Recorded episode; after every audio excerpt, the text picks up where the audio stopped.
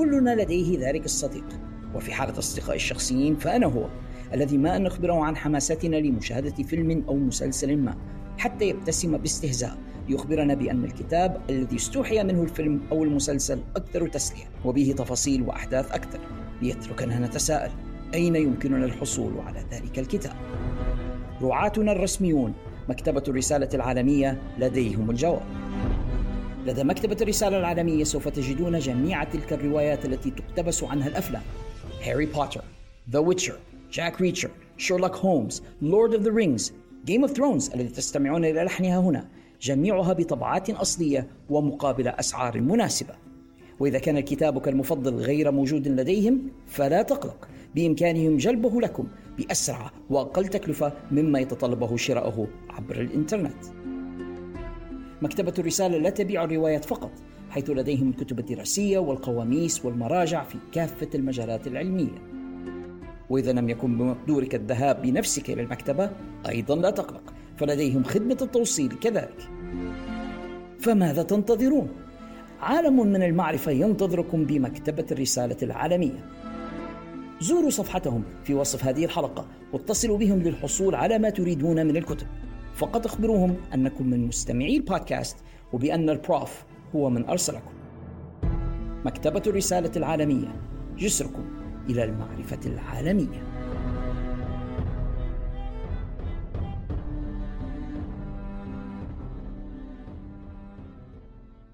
أنا The Prof علاء الشريف ومعي The Phenomenal خالد الشريف. وهذا بودكاست بعد الجرس وتغطيتنا لعرض Under Siege من اتحاد Impact Wrestling دق الجرس وانتهت المباراة. فهل هذه هي النهاية؟ فكروا ثانية. بعد الجرس يحلو الكلام بعد جرس الختام. عروض مباريات نتائج تحليلات تقييمات. مع خالد الشريف A little bit of the bubbly. وعلاء الشريف I'm the best in the world. بعد الجرس يأتيكم من أسرة بودكاست في الحلبة In the ring where it matters. Woo! Mamma Mia!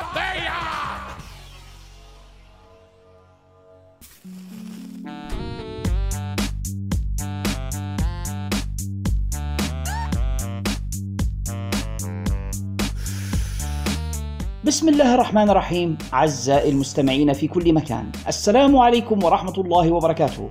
وأهلا وسهلا بكم إلى حلقة جديدة من بودكاست بعد الجرس حيث يحلو الكلام. بعد جرس الختام. معكم محدثكم The Prof علاء الشريف ويلتحق بي في هذه الحلقة من استديوهات منزل المتواضع.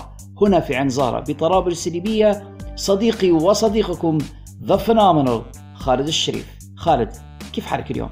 الحمد لله كيف حالك أنت اليوم؟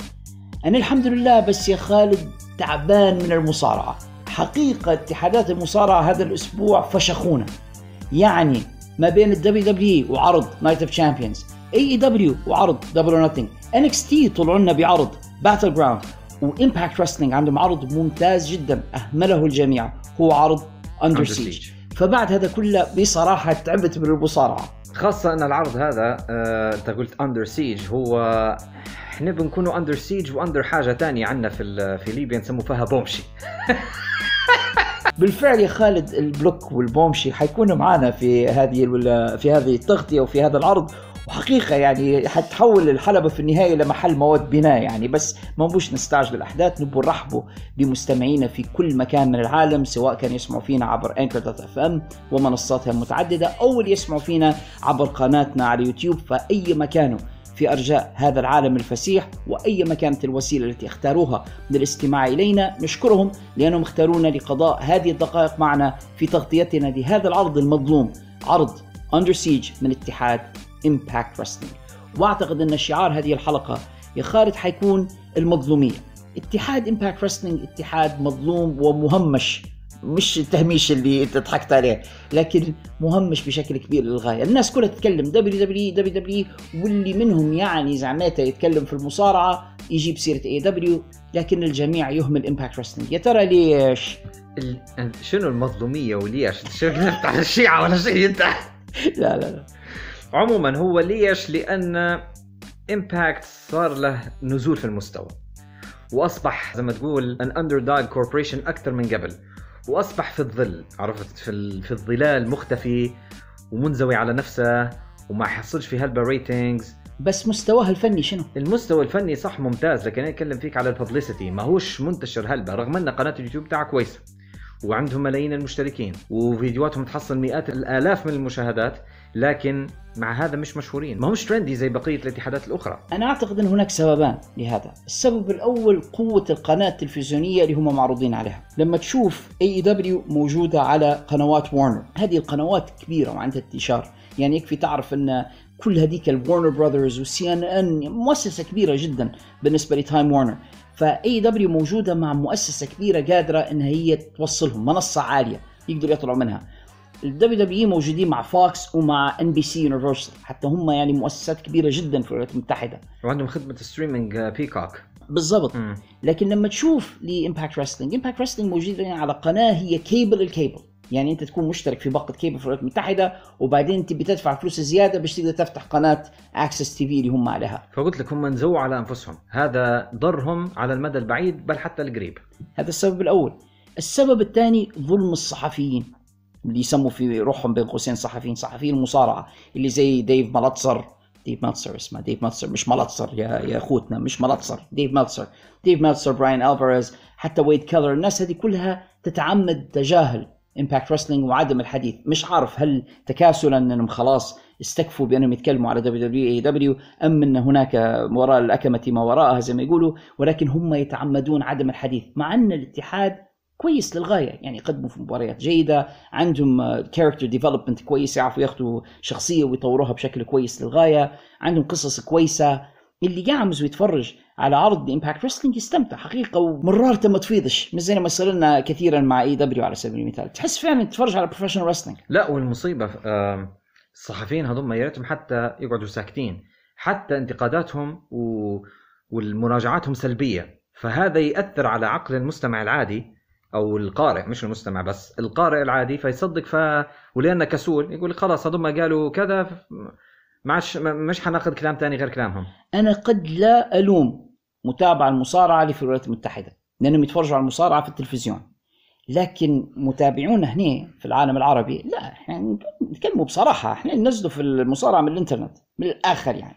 يعني أنت تمشي ل websites معينة بتاعت ال streaming أو بتاعت من الآخر pirating sites وناخذ منها في المصارعة. هذه الحقيقة. مش فخورين بهذا لكن ما عندناش وسيلة ثانية للتفريج يعني. اللهم إلا كانش يعني عن طريق اليوتيوب أو وسائل مجانية بس يعني. وعليه أخي المستمع أنت لما تمشي ل website بتاع مصارعة باش تتفرج على العروض أنت قدامك الخيارات متساوية. زي Impact زي اي دبليو زي دبليو دبليو كلهم قدامك. أنت اللي قاعد تمشي لدبليو دبليو واي دبليو تتجاهل في امباكت اللي في أمريكا هذا ما عندهاش access لأن مش حاطينه قدامه في باقة الكيبل بتاعته وهو يتفرج في التلفزيون بس. لكن إحنا اللي نتفرجوا في النت لا عندنا الخيار. وبالتالي أنا أحث الجميع إنهم يبذلوا قليل من الجهد ويشوفوا Impact Wrestling لو هم يبغوا يشوفوا good professional wrestling حقيقة أنا قاعد نشوف إن Impact good alternative بديل جيد وأقل شرا مما نراه في الاتحادات الثانية. مش قاعد نقول إن هم يعني خلاص النقاء والصفاء. لا. عندهم مشاكلهم. بس ما زالوا أقل شوية أهون شرا من اللي نشوفه فيه في AEW مؤخرا. WWE اللي كان عندي لهم الكثير من الأمل لكن للأسف خيبوا املنا مع عودة بنس ماكمان بالشناب الشرير متاع هذا بدي شكله فعلا يخوف. على كل حال في الأسبوع الماضي اللي فعلا صار لنا فيه ضغط pay-per-views كبير وجدت الجميع واللي يخش على يوتيوب ويشوف صناع المحتوى العربي اللي يتكلموا عن المصارعة كلهم كلامهم فقط على Night of Champions وقليل منهم تكلموا على AEW Double or Nothing وتقريبا ما فيش حد اتكلم على Under Siege من اتحاد Impact Wrestling إلا أنا وأنت يا خالد. أنا وأنت يا خالد سنقدم خدمة لمجتمع محبي مصارعة المحترفين العرب وحنغطوا لهم هذا العرض الممتاز جدا عرض Under Siege أو تحت الحصار من اتحاد Impact Wrestling جاهز خالد؟ yes إن شاء الله جمهورنا أيضا جاهزون. خلينا نديروا طلة على مباريات هذا العرض الكويس جدا من اتحاد Impact Wrestling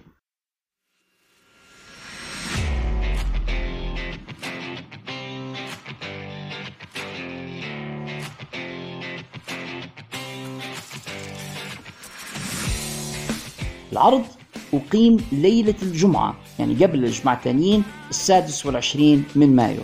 مكانه كان لندن أونتاريو كندا المبنى كان The Western Fair District ما فيش احصائيات واضحة قدامي لعدد الجمهور ما حسيتش إن عددهم كبير يا خالد لما تفرجنا. بالعكس أنا حسيت إنه full house حسيت إن العدد معقول جدا. هو full house لكن قداش عدد الجمهور ما نعرفش يعني. ال house هذا قداش يتسع؟ هذا هو السؤال يعني. ما عنديش حتى إحصائيات قداش المبنى يتسع لحد. فما يبدوش انه بعشرات آلاف الجمهور ولكن نقدر نقول إنهم ألف ألف وشوية هيك حسيت أنا. قد يكون زي ما أنت قلت فعلا. المباريات كانت كويسة وهذا هو أهم ما في الموضوع.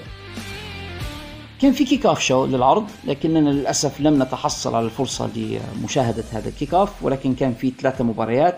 كان عندنا حد أنا نفسي ما نعرفهاش آه، تايلر تيرفا ضد جيسون هاتش.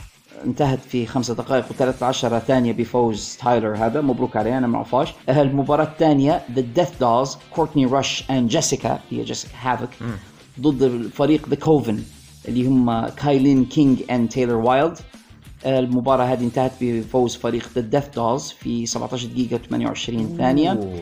وبعدين جو هنري I believe in جو هنري عرفتها؟ إيه. آه، ضد ديرتي دانجو اللي كان فان دانجو في WW انتهت هذه المباراة ب disqualification ليستمر جو هنري كبطل ل The Impact Digital Media Championship هذه انتهت بعد 5 دقائق و43 ثانية. مرة أخرى نحن لم تتح لنا الفرصة لمشاهدة ال kickoff show ولكن من باب الأمانة بس حبينا أن إحنا نسرد المباريات. ولكن الآن حنخش في ال pay-per-view الذي بالفعل أنا وأنت تفرجنا عليه. المباراة الأولى صديقنا نيك ألدس البطل الإنجليزي العائد لاتحاد Impact Wrestling ضد كيني كينج مباراة ممتازة جدا ما بين مصارعين تقنيين وقويين للغاية. ومخضرمين أيضا. الخلفية متاع كل واحد منهم فيها اختلاف. يعني أنت عندك نيك الدس اللي أسلوبه old school واضح. تقني. يعني تعرف يذكر فيه منه نوعيته زمان بالضبط زي ديفي بوي سميث وزي ديفي بوي سميث جونيور too. مع بعض الاختلافات البسيطة بيناتهم لكن حس في نفس النوعية هذه من المصارعين. مصارع إنجليزي كلاسيك جدا. أما كيني كينج فهو strong style على high flyer على sub حتى also submissions على كل حال على acrobatic فطلعوا بحاجة نقدر نقولها نقول عليها بكل سهولة أنها كانت كيكة باللوز. صح عندها شويات متاعينه كيني كينج في الغش والعفرتة مع ذلك أعطى مباراة أداء واحد بطل يعني. طبعا أنا كيني كينج يلعب في دور ال heel في هذه مم، القصة. كالعادة. بالنسبة لنيك ألدس للذين ربما قد يتساءلون معقولة نيك ألدس بطل سابق ويلعب مباراة افتتاح الفكرة أن نيك ألدس بيصعد في السلم درجة درجة. فالآن يبدأ ك opening match ضد كيني كينج اللي قال له إذا أنت تبي تعبر إلى القمة لازم تمر من خلالي. هذه القصة. فنيك لازم يبدأ من الأسفل صعودا إلى الأعلى. خاض مباراة جميلة جدا قوية جدا. نيك ألدس أنا مستغرب أنه ما مشاش لي واحد من الاتحادات اللي يسموا فيها بين قوسين الكبيرة. نيك ألدس في اللقاء الذي أجريته معه كان عبر لي عن رغبته في الذهاب إلى WW وتوقعت فعلا أنه سيذهب إلى هناك على الأقل يستكمل العداوة مع كودي. ولكن ما زال ما عندش نصيب في ذلك. حنستنوا لعل ذلك يتيسر له يوما. لكن الآن هو في Impact ومداير شغل كبير جدا. المباراة كانت مسلية انتهت بعد 8 دقائق و58 ثانية بفوز نيك ألدس على كيني كينج لما نيك الدس دار حركته القاضية اللي هي المرفق الطائر متاعه شيلدن جين حاول أنه يلهي الحكم. طبعا كانت طريق واضح أنها كانت fake يعني طريقته. ما فيش أي منطق يخليه يلهي الحكم. وكيني كان بيستغل الفرصة هذه. آه، كان يبي يستغل الهاء الحكم وبيدير حاجاتك شمال. لكن نيك ألدس كان ليه بالمرصاد. حاول ينقز كيني من من فوق الحلبة صدى لحركته ب power bomb وبعدين دار له ال cloverleaf وخلاص كيني كينج تحت تحت الضغط اضطر انه يستسلم وفاز عمك نيك ألدس. كم تقيمها المباراة؟ أربعة من خمسة. أنا كذلك حنعطيها أربعة وسعيد جدا بصعود صديقي نيك ألدس في التصنيف في اتحاد Impact Wrestling حلوة لما الواحد يقدر يقول على المصارعين أصدقائه يعني وتحدى صناع المحتوى الآخرين لحد منهم يقدر يقول هذه الكلمة. ننتقل إلى المباراة التالية واللي فعلا كانت مسلية مع أن قصتها مش واضحة جدا يعني فيها علبة آه، شلقبازات وحركات لكن مع ذلك كان فيها good action عندنا ريتش سوان سامي كالهان والعائد جيك كريست. جيك كريست هذا من عصابة الشقيقين جيك and ديف كريست اللي كانوا مع آه، سامي كالهان زمان في عصابة اوهايو versus everything OVE للناس اللي تبعوا في Impact Wrestling الآن جيك عاد إلى اتحاد Impact فعندنا ريتش سوان سامي كالهان and جيك كريست ضد الفريق اللي اسمه The Design هم قبل اسمهم كان Violent. By Design. الآن بس اكتفوا باسم The Design عندنا دينر انجلز and كون دينر هذا اللي هو كان كودي دينر كان redneck وشخصيته كانت غريبة جدا ومختلفة تماما عن الشخصية اللي مدايرها تو. تو كأنه واحد ميليشياوي هيك عنيف و... وما فهمتش كيف أنا. تعرف من يشبه شوية؟ جيمي نوبل تو. هاي بج- بجديات يعني بتاع واحد هيك عرفت redneck أبيض هيك وشرير وقص شعر قصير و... ومتعصب. اللي هم الميليشيات البيضاء اللي. في جنوب الولايات المتحدة. هذا ال gimmick بتاعه. الوايسس. انجلز هذا اللي كان اسمه في تقريبا كان number 10 كان number 10 في عصابة The Dark Order في AEW. وكان هذا reject من WWE هذا مم. كان في عصابة The Ascension في WWE في عندنا واحد من Impact واحد من AEW واحد من WWE العصابة هذه مع بعضها The Design القصة كان فهمت صح في ال build up إن سامي كالهان كان زرع نفسه داخل عصابة The Design وبعدين ولع عليهم. هم اكتشفوا إنه هو مزروع يعني بناتهم. Planted. فولوا عليه. They rejected him. الآن هو بيمشي يستعين باصدقائه القدامى للانتقام. فمنو صديقه قديم؟ ريتش سوان معاه من نفس المدينة غادي في أوهايو.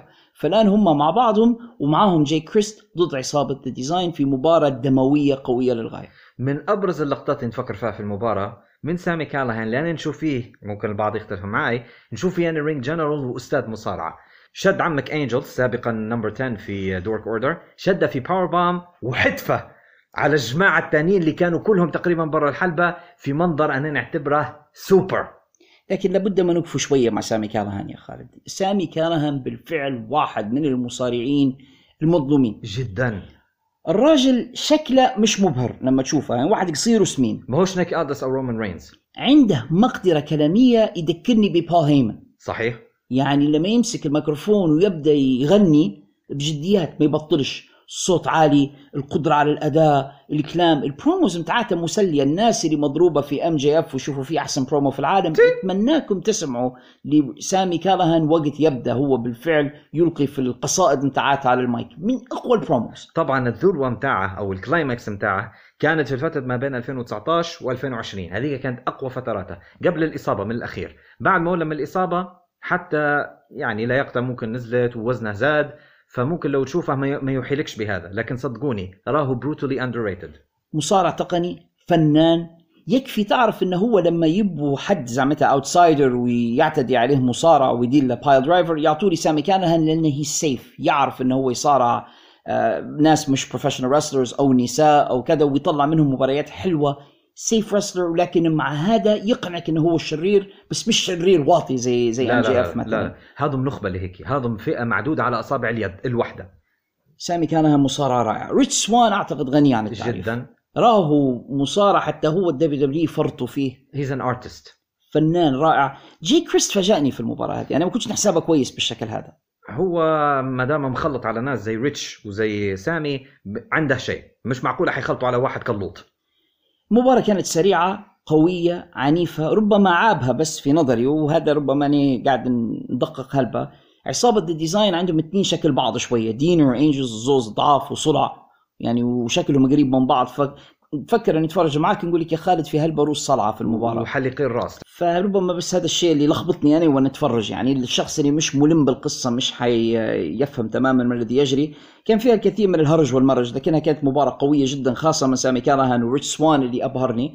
انتهت بعد 10 دقائق و13 ثانية بفوز فريق ريتش سوان سامي كالهان and جي كريست اللي مسكين بعد نهاية المباراة كانت أذنه تنزف. كم تقيمها خالد؟ أنا أعطاها أربعة. تستاهلها. أنا حنعطيها أربعة خاصة كرمال أداء ريتش سوان اللي فعلا يعني الناس اللي يتكلموا على في مصارعين نشوفوا فيهم زي أورنج كاسيدي ريتش سوان أحسن منهم كلهم.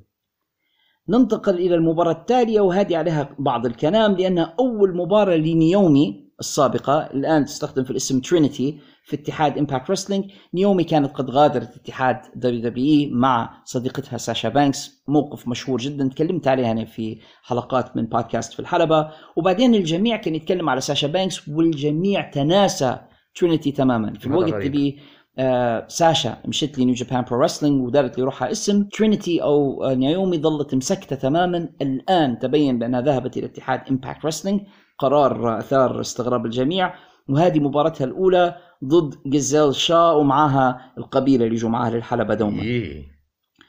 ترينيتي ما غيرتش ال gimmick؟ قاعدة تدير في جو ال glow اللي تدير فيه زمان في WWE. أضواء النيون yes. وما زال أدائها الرياضي قوي يعني قاعدة تقفز وتتشقلب وتدير في الحركات. المباراة عابها بس إنها كانت طويلة أكثر من اللازم. صح حسيتها طالت أكثر من مما ينبغي.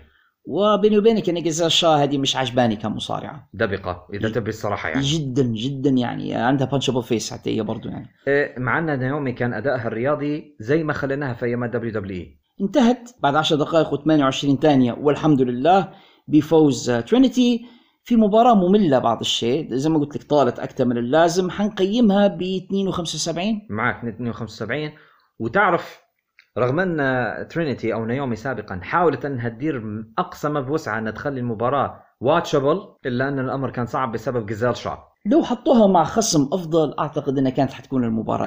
و- واتحاد امباكت ثري بالعنصر النسائي عندهم الكثير من المصارعات الكويسات. فلعل اللي قدام يكون نصيبها خصمات أفضل ونشوفوا منها حاجات أحسن من هيك هذا كان البداية يعني مباراتها الأولى مع هم اعتبروها كأنها يعني انتري تعرف لما تلعب فيديو جيم ويكون أول باص تواجهه واحد ضعيف وبعدين بشوية بشوية تبدأ تواجه وحوش أقوى. وباسز أقوى طبعا. فهذه أول مرحلة جزال شا قدام حتصارع مصارعات أفضل بكثير ننتقل للمباراة التالية على بطولة الثنائيات في اتحاد امباكت رسلينج وامباكت زاخر بالفرق الثنائية الكبيرة وحتى لقب الثنائيات في امباكت عريق. يعني جداً. هناك فرق عظيمة جدا حملت في الماضي هذا اللقب.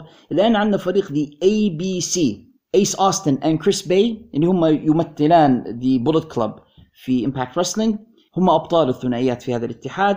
حيلعبوا ضد فريق سب كلتشر مارك أندروز مارك أندروز هذا كان موجود في امباكت زمان. كان ال gimmick بتاعنا يركب على سكيت بورد وكان يجي مع روكستار سبود الاثنين إنجليز. وواحد اسمه فلاش مورغان ما نعرفوش يعني نعرف فلاش جوردن شخصيه من الخير العلمي. ومديرة أعمالهم داني لونا على بطولة ثنائيات اتحاد امباكت رسلينج مباراة يعني ناس آه، أوزان خفيفة cruiserweights more or less حركتهم سريعة للغاية.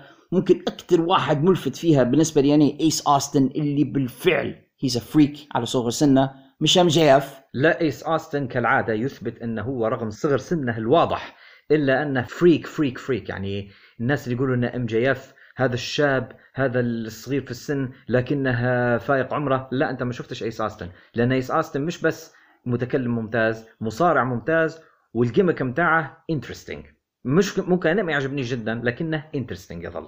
والمباراة هذه كانت مش بس tag team tag team بنكهة ال X Division يعني مباراة X Division نموذجية في امباكت ريسلينج بنسألك على كريس باي خالد. مش تحسه كان يذكرك شوية بكوفي كينغستون يذكر فيه بهلبة مصارعين يذكر فيه بكوفي كينغستون يذكر فيه بسورف يذكر فيه حتى بريتش سوان وهو من الفئة اللي ديما نقولوا عليهم في برنامجنا الجرادة. المصارعين اللي يبدو هيك يبدأ نحيل الجسد ومقسم سواء كان على فكرة ال- الاسم هذا أطلقت على كريس سيبن وعلى مونتيز فورد مش متذكر لو تري ميغال قلت عليه قبل لكن هو منهم هو من الفئه هي ويذكر فيه بكوفي كينغستون yes. مصارع طائر سريع يضيف حركات مخيفة. هو نحس الولد ال background بتاعه انه هو break dancer أو شيء زي. هيك. لما يبدأ يقفز من الداخل للخارج والخارج للداخل مخيف اللياقه عندهم شيطانية. عندهم مولات في سيقانهم عندهم حلزون في في في سيقانهم. مش مش طبيعي شعار. الحركة اللي يتحركوا بيها. فظيعين جدا. وحاجة تانية في dives في المباراة في هذيك القفزات اللي يديروا فيها المصارعين. لكن كانوا يديروا فيها بطريقة ذكية مش طريقة الغبية بتاع واقفين يستنوا لين يتلقوا الخصم القافز عليهم. لا يوقفوا كأنهم يتعاركوا مع بعضهم وبعدين يجي حد قافز عليهم من برا. amazing زي زي اللي دارها فلاش مورغان ل Bullet Club. تعرف قفزة شيطانية. دار زي زي ال moonsault زي swanton على الزوز وقريب طاح في ال guard rail قريب اصاب أصاب ال guard rail يعني. اللي يحب ال- ال style هذا اللي هو ال high flying style والحركات التقنية الأكروباتية هذه المباراة لك. أنا ما استمتعش بها كثيرا جدا لكن ما كرهتهاش يعني. interesting شدتني أنا. انتهت بعد 13 دقيقة و15 ثانية بفوز فريق the ABC اللي هو ايس اوستن كريس باي في مباراة حنقيمها 3.75 أنا أربعة. الحق كان أدائهم رائع. رائع. ننتقل الآن إلى مباراة بطولة the X Division X Division اللي ما يعرفوهاش هي بطولة الوزن الخفيف في اتحاد امباكت رسلينج لكن في يوم من الأيام كانت تعتبر البطولة الثانية في الاتحاد.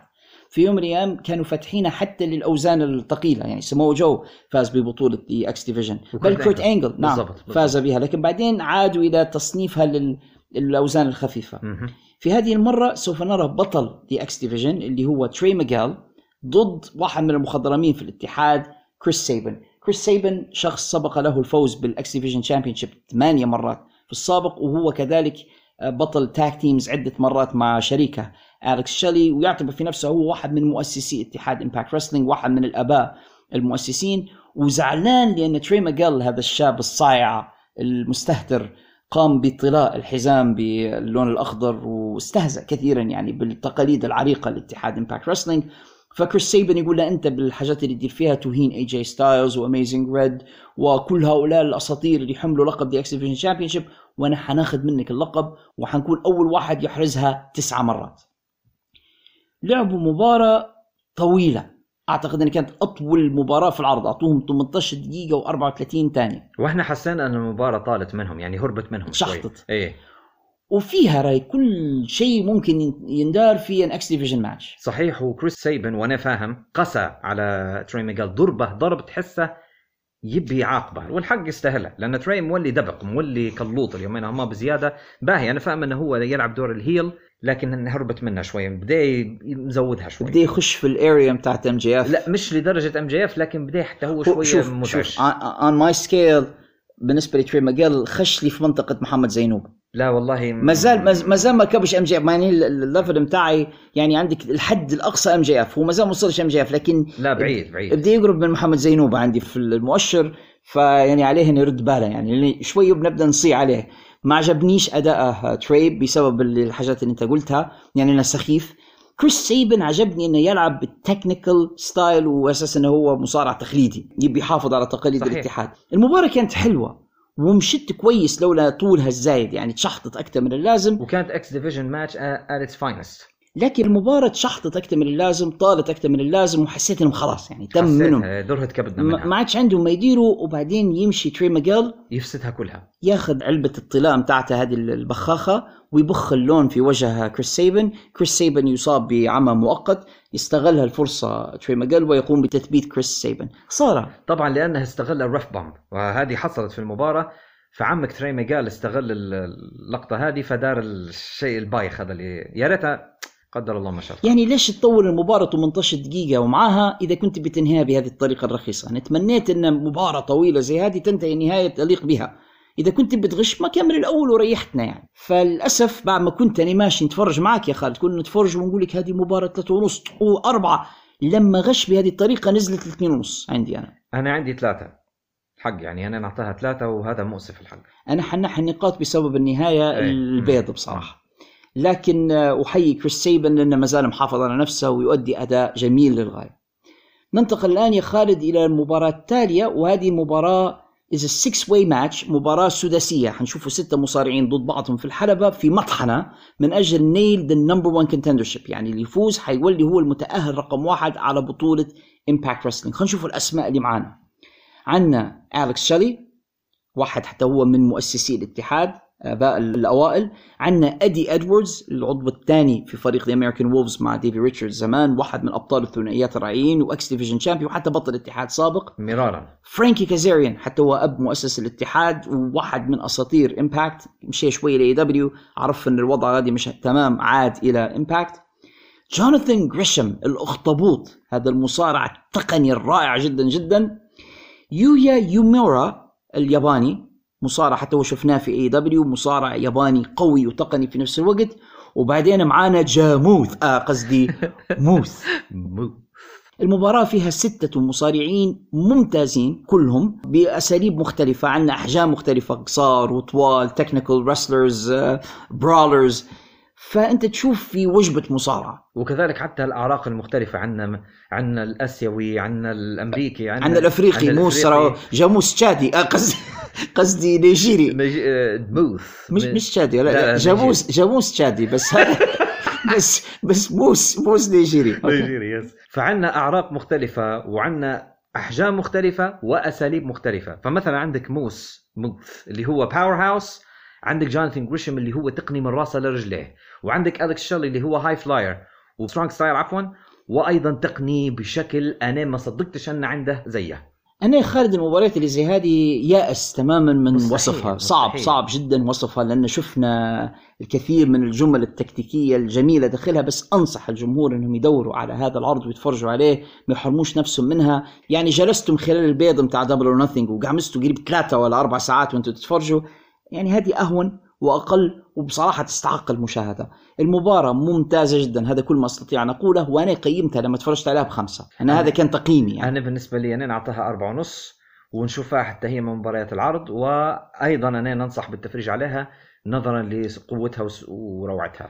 بعد 11 دقيقة و47 ثانية تمكن أليكس شيلي من أن يفوز بهذه المباراة ليصبح هو the number 1 contender على البطولة. هذه ثاني مرة نشوف أليكس شيلي يتحدى على البطولة من فترة. كان تحدى جاش ألكساندر على البطولة وخسر لكن كانت مباراة رائعة جدا. جدا. الآن حنشوفه أليكس شالي يتحدى مرة أخرى. نشوفه من سيكون البطل بعد نهاية هذه الليلة. هل حيكون البطل الحالي ستيف ماكلين أم بي سي أو لكن ذلك حديث لنهاية العرض. خلينا نشوف الآن المباراة التالية مباراة بطولة نساء امباكت رسلينج the Knockouts Division وعندنا البطلة ديانا براتسو ضد متحديتها جوردن جريس ولابد يا خالد من وقفة بسيطة قبل ما نخش في هذه المباراة. the Knockouts division أو قسم النساء في امباكت رسلينج من أقوى الأقسام النسائية في مصارعة المحترفين قاطبة. وداروا مدرسة طلعت مصارعات رائعات على مدار السنوات. جوردن جريس واحدة من أحسنهم. قوية جدا powerhouse بمعنى الكلمة المرأة تخوف. أنا أعطيتها أحسن مصارع العام اللي فات. أما ديانا براتسو فديانا مصارعة تقنية من الطراز الرفيع. أتذكر فيها لو كان بريت هارت امراه يعني نسخة أنثى من بريت هارت. تلعب بنفس ذاك ال style التقني الفني submission style مصارعة ممتازة للغاية. والاثنين ديانا وجوردن جريس عندهم feud. يعني تواجهتا عدة مرات في مباريات ملحمية في الماضي. منها أول مباراة Iron Women's match في التاريخ في ايمرجنس 2020 أنا تفكر في سنة 2021 كنا أعطينا ديانا براتسو أفضل yes. مصارعة في العام. صحيح صحيح. أنت أعطيت في سنة 22 لجوردن جوردن جريس جريس فالآن إحنا عندنا اثنين فازتا بلقب أفضل مصارعة للعام. عندنا ضد. بعضهم. ونشوفوا شنو المباراة اللي حتطلع منهما. جوردن طبعا خاشة وهي قلقة. يقول لك آه، أنا واجهت ميكي جيمس وكنت آه، بطلة وما قدرتش نغلبها وخسرت بطولتي. وقعدت تحكي على مخاوفها والأمور اللي مقلقتها. وقالت إن هي لو خسرت معنى كلامها إن هي ممكن ما عادش ما عادش بتولي زي ما كانت يعني. بالضبط. تشك في نفسها. تشك هلبة في نفسها وصير لها نوع من بارانويا خشت هي وديانا في المباراة وكالعادة تلاقوا بنفس القوة والشدة اللي كانوا معروفات بها قبل. ديانا بتقنيتها جوردن بعضلاتها. الحركات اللي فيهم ديانا براتسو يا خالد السوبلكسات الكوبريات. بجديات تذكر فيها بإيدي جوريرو لما يدير في ال في ال three amigos بتاعتها ولا لما كريت إنجل لما يدير ال suplexes ولا كريس بانوا. فنانة ديانا في الحتة هذه. وال submissions اللي تدير فيها حتى هي بنفس طريقة بريت. هي تدور على ال armbar بتاعها هذه ال submission اللي تربح بها عادة. أعتقد تسمي فيها the Queen's Gambit لكن قبل ذلك تدير في setups للحركات يعني تقعد تضرب في خصمتها على الكتف تضرب فيها على هذا ال old school style فنانة فنانة الم- المباراة كويسة. تشوف في جمل تكتيكية قدامك تشوف في حركات منطقية حركة تؤدي إلى حركة قصدها شيء من أجل أن توصل لشيء آخر. it's really good match مباراة كويسة جدا مباراة شطرنج ما بين الاثنتين. انتهت. بعد 13 دقيقة و23 ثانية بفوز ديانا براتسو. من خلال حركتها القاضية اللي دارتها من الحبل الثاني أو الثالث. يعني شوف جوردن جريس لأن كانت ديانا هي بريت هارت النساء جوردن جريس هي التيمت وورير النساء. اضطرت إنها تركب بها للحبل الثاني أو الثالث وتدير حركتها القاضية عليها. هي شبيهة بال DDT بعدها يعني خلاص أغشي على جوردن جريس واحد اثنين ثلاثة. ديانا ما زالت محتفظة بالبطولة. قديش تقيم المباراة؟ خمسة. خمسة. بلا تردد. خمسة من يعني hands down مباراة ممتازة جدا واحدة من أفضل مباريات النساء اللي نشوفها في سنة 2023 بصراحة أرفع القبعة لكلتيهما. مباراة رائعة للغاية. نصل الآن يا خالد إلى the main event واللي عليه الكلام كله. مباراة بطولة العالم. وهذه المرة المباراة no disqualification match يعني ما فيش إلغاء. عندنا ستيف ماكلين بطل الاتحاد الذي فاز به بعد أن أصيب جوش الكساندر وإلا فإن جوش الكساندر كان معبي مكانه كبطل عالم. ولكن أنا عندنا ستيف ماكلين هذا المصارع الصلب القوي جدا حيواجه الوحش بي سي أو في مباراة بدون قواعد. تعرف حاسس بنوع من الغرابة أني اتكلم على مباراة بطولة العالم في امباكت والبطل مش جوش الكساندر غريب الوضع عندي. جاش قعد بطل لمدة طويلة للغاية وتعودنا فعلا على كان- جاش كبطل كان معبي لكن مكانه. ستيف ستيف حتى هو كويس لا صراحة. أمثل واحد لخلافة جوش كان ستيف الحقيقة يعني تعرف قبل ما نخش المباراة يا خالد نبي بس نقول حاجة حتى التذكير لجمهورنا اثنين من اللي مشاركين في العرض هذا درنا معهم لقاءات في بودكاست في الحلبة. بي سي أو ونيك ألدس فتعرف إحساس غريب هيك لما تشوف أصحابك. ناس أنت تكلمت معاهم ودرت معاهم لقاءات وعندك معاهم ذكرى وبعدين تشوفها قدامك على الشاشة يصارع. رو إحساس ما يعرفوش يصدوا على المحتوى العربي التانيين. محتوى المحتوى فهذه بس يعني نبيها تقعد في دماغاتك يعني خلي تاكلهم بي سي أو في هذه السن تقريبا هو حاجة و60 سنة. 62 63 سنة قصدي. يخوف. يا ناس يخوف هو- وال gimmick بتاعنا هو فرانكنستاين ويبدو لي إنه بالفعل فرانكنستاين الرجل ما يحسش. ليش أنت تو قلت هيك؟ ليش إحنا نعتقده إنه هو هيك؟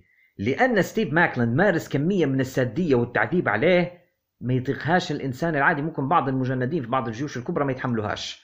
الناس اللي ما تعرفش ستيف ماكلين لو تعرفوا شخصية ذا بانشر في القصص المصورة. ستيف ماكلين تقريبا مقتبس شخصية ذا بانشر ويطبق فيها في الحلبة. والباين في من قايل لحتى مدير جمجمة تشبه جمجمة ذا بانشر على حوايجه. على يدير فيه على t-shirts لما يلبس t-shirts ويدير فيه على ال shorts متاعه في المصارعة. فيبدو أنا في حد مقايل له. مصارع صلب قوي يتحمل fighting champion أنا هذه نحترمها جدا. مش جايبة معاه قبيلته يحاربوا بالنيابة عليه وهو واقف يتفرج. زي واحد نعرفه في اتحاد تاني. ولا مداير روحه هالشيطان أعوذ بالله من الشيطان الرجيم. زي واحد تاني نجس نعرفه. لا لا لا. This is a fighting champion. هذا مصارع ما يتراجعش ما يخافش من أي تحدي يلمى إليه يوقف ويصد ويواجه. لعله أفضل بطل عالم الآن في أمريكا في عالم مصارعة المحترفين. أنا قلتها في الحلقة الماضية من بودكاست في الحلبة أنا سئلت عن ستيف ماكلين ورايي فيه وقلت إنه هو الآن البطل الوحيد اللي محترمة في الاتحادات الثلاثة. نشوف فيه فعلا fighting champion مصارع وبطل ممتاز للغاية. مم. مباراة ستيف ماكلين وبي سي أو يا خالد فيها كم من العنف وكم من الدماء وكم من الوحشية ما شفتهاش حتى في ال Anarchy in the Arena اللي داروها عصابة دي اليت وعصابة دي بي سي سي شفنا أشياء في هذه المباراة ما شفناهاش أنا ما شفتهاش في حياتي. ولا أنا وما أنا كان ناقص إلا تطلع حاجتين لمبات النيون وطاولات المرش. والباقي كله داروه حتى حتى الحاجات اللي داروها في المباراه هي ما يعرفوهاش جي سي دبليو. كمية العنف مستوى العنف اللي مشوا بيه امباكت في المباراه هي ولا اتحاد داره. بي سي أو فتح محل مواد بناء في الحلبة. وأصبح وجهها عبارة عن ورقة متدبسة. يعني جاي عمك ستيف ماكلين خدت دباسة وحط مجموعة من الدبابيس في فم بي سي أو اللي مسكر له فمه بيهم. ووجهه بده يصب دم. عمري ما شفتها هذه. واخذ الدباسة طق طق طق آه. طق دبس له فمه. ما قدرتش أنت تشوفها أنت. ما عادش قدرت خلاص. لا وبعدين يطلع بي سي أو ويجيب كلاب. أنا خلاص أنا خلاص. وأنا آسف لجمهورنا إذا كان حد أصيب بالاشمئزاز أو القرف وهو يسمع في هذا الوصف للي حاصل. لكن كان في كم العنف دبابيس. والدماء. آه بعدين قلت لك مواد البناء يطلع بي سي أو ويبدأ يعبي في الحلبة بالبلوك بالياجور. بالبومشي. عارف حط واحدة الثانية الثالثة كان يوتي في فراش. عارف كان في- فراش. في دماغه يوتي في حاجة بطول ستيف ماكلين أساس اني يدي لستيف ماكلين body slam فوق منها. لكن ماكلين قلبها وطيح بي سي أو فوق البلوكات وفعلا من حفر حفرة لأخيه وقع فيها. يطيح بي سي أو على البلوك البلوك يتفشخ تحته وذاك الدم. oh my God ستيف ماكلين وجهه مفتوح من الجبهة لوطة والدم وجهه ورقبته وصدره. بالكامل أحمر مع بعض. عيونه زرق بس يلمعوا تحته. شكله كان يخوف. بي سي أو كان شكله يخوف. ضربوا بعضهم بكل ما تطاله الأيدي والأقدام. مباراة عنيفة قوية استمرت لمدة 15 دقيقة و44 ثانية. أنا نتفرج وما تفرجش. كل شوي نغطي في عيوني. كل... It was scary. إحنا نقولوا هيك وتفرجنا. فما بالك هم اللي كانوا في المعمعة هذه. بعد 15 دقيقة و44 ثانية يتمكن ستيف ماكلين من الفوز على بي سي أو لكن بصراحة أحيي بي سي أو لأن تحمل يعني ما تحمله الجبال كليه ضرب عنيف للغاية. ستيف ماكلين أثبت إنه هو بالفعل البطل الصلب في عالم المصارعة هذه الأيام. بعد ما فاز ستيف ماكلين وقف في منتصف الحلبة ونادى على رئيس الاتحاد اللي هو سكوت دامور وقال أنت وعدتني إن في حال ما نفوز على بي سي أو اللي أنت اخترته باش يكون المتحدي متاعي إنك حتطلع وحتلبسني الحزام وحتصفحني. وأنا واقف هنا مش حنطلع لين تدير هيك جاي سكوت دامور اختار الحزام وفعلا لبسه لستيف ماكلن. ولما جاء بيصافحه رفض ستيف أن يصافحها وبعدين يطلع منه بولي راي. أنا ما فهمتش شن قصة بولي راي لكن جاي وباين عنده مشكلة ما مع سكوت دامور. فطلع بولي راي وبدأ في شتم سكوت دامور وستيف ماكلين واقف يتشمت فرحان. وبعدين بدأ وكأن الاثنين حيعتدوا على سكوت دامور. يطلع المعلق هذا ايدن انجلش اللي كان زمان يقولوا له the Drama King يصعد إلى الحلبة من أجل إنه هو يحاول ينقذ مدير الاتحاد اللي هو سكوت دامور طبعا بيكسب وضعه في في الشركة يعني بيحاول يدافع عن المدير. وقعدوا يرشوا عليه في حاجة مميزة كانت موجودة في يد بولي راي بنزينة. هو شكله بولي راي من الجماعه اللي هربوا في الوقود حتى هو. فجايبه معاه تنكة بنزينة وصب على إيدن إنجلش لكن إيدن إنجلش هرب. ودخلوا طاولة وأشعلوا فيها النار صبوا عليها بنزينة وأشعلوا فيها النار. وسكوت دامور كان ملقى على الأرض وهم يجهزوا فيه يبوا يحطوه على الطاولة. لكن في بعض الناس حاولوا إنقاذ سكوت. يعني بي سي أو نفسه حاول ينقذه بلا فائده بعض الناس جو من ال backstage من المصارعين الثانيين حاولوا إنقاذه لكن ستيف ماكلين وبولي راي يضربوا فيهم ويلزوهم برا الحلبة. باش ينفذوا جريمتهم. لينفرد في النهاية بسكوت دامور المسكين يرفعوه إلى أعلى ويديروا له powerbomb في الطاولة التي تشتعل فيها النيران. مشهد مخيف يا خالد وخطر علي المشاهد بتاع جي سي دبليو. إرهاب آه، حاجة إرعاب. ولا هي تمثيل ولا هي مؤثرات خاصة. طاولة حقانية بنزينة حقانية نار حقانية. والحقيقة سكوت دامور يا إما شجاع يا إما أحمق. أعتقد إن الإثنين. وهم قالوا إن هناك خيط فاصل رفيع ما بين الشجاعة والحماقة ويبدو بأن سكوت دامور قد تجاوزها أو بالأحرى أحرقها بحيث إنه هو آه، يعني نفذوا فيه هذه الحركة. صراحة كانت المباراة مخيفة. أنا حنقيمها بأربعة ونص. ماشي بنمشي معك أربعة ونص. العرض كله على بعضه بصفة عامة. حنعطيه من سبعة ونص إلى ثمانية. سبعة thumbs up العرض ما فيش أشياء برغم العنف يعني بس ما فيش من ذيك الأشياء المسيئة أو الأجندات البايخة اللي يديروا فيها جماعة يعني دبليو صح ما فيش هرطقة وما فيش ميم. حاولوا على الأقل يقدموا لك wrestling show قدر الإمكان. فشفنا عرض مصارعة مسلي التعليق كان كويس ال production values لهذه المرة كانت أعلى من المعتاد بالإمباكت. يعني حسينا شوية زي ما أنت قلت لما كنا نتفرجوا retro-ish style حسيناه كأن العروض القديمة شوية. خاصة في الحتة متاع ال replays لما يبدوا يديروا replay instant replay لحلقة إعادة. الإعادة الفورية زي عروض التسعينات الأولى. حسيتها هيك خاصة في مباراة نيك ألدس. وزيد على نيك ألدس هو أصلا أسلوبه retro فجت على بعضها كأني نشوف في مباراة من التسعينات. استمتعت بالإضاءة بالتصوير بالإخراج. حسيت أنه عرض معد بشكل جيد يعني م. أحسن من عروض إمباكت القديمة. والباين أن سكوت دامور قدر يحصل شوية فلوس من شركة أنثم من أجل أنه هو يطور المحتوى متاعه. الفلوس الفلوس يعني رش شوية عرفت؟ رش شوية على فلوس فلوس. حصل تفتوفة هيك حصل شوية دولارات باش يقدر أنه هو يطور العرض. وبالفعل يعني لما تصرف على العرض يردك. فهذا اللي لاحظناه في العرض.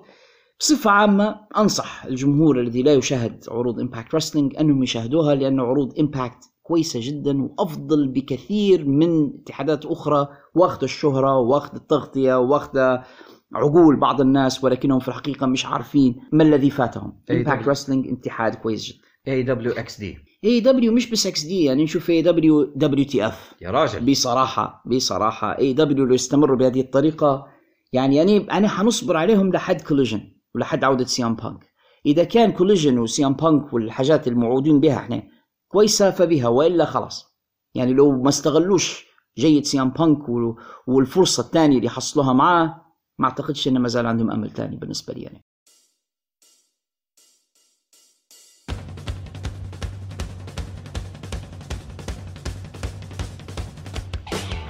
خالد أنا استمتعت جدا بجلستك معي في هذه الأمسية. إذا كان جمهورنا قد استمتعوا في هذه الحلقة بقدر استمتاعي أنا وخالد بإعدادها وتقديمها إليهم أتمنى لا يبخل علينا رجاء بترك علامات الخمسة نجمات في الآبس والتطبيقات التي يستمعون إلينا من خلالها.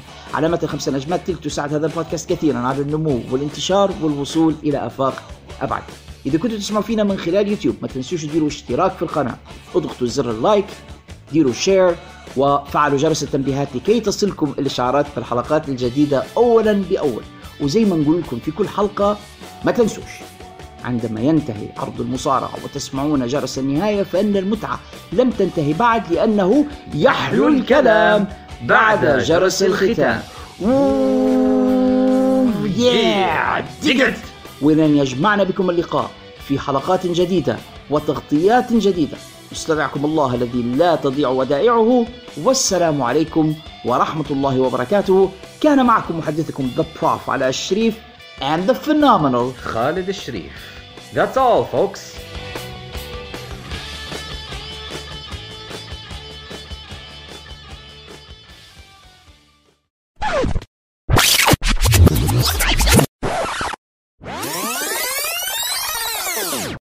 وين تفكر فيه ال gimmick متاعه يعني كان حاجة غريبة كان redneck هيك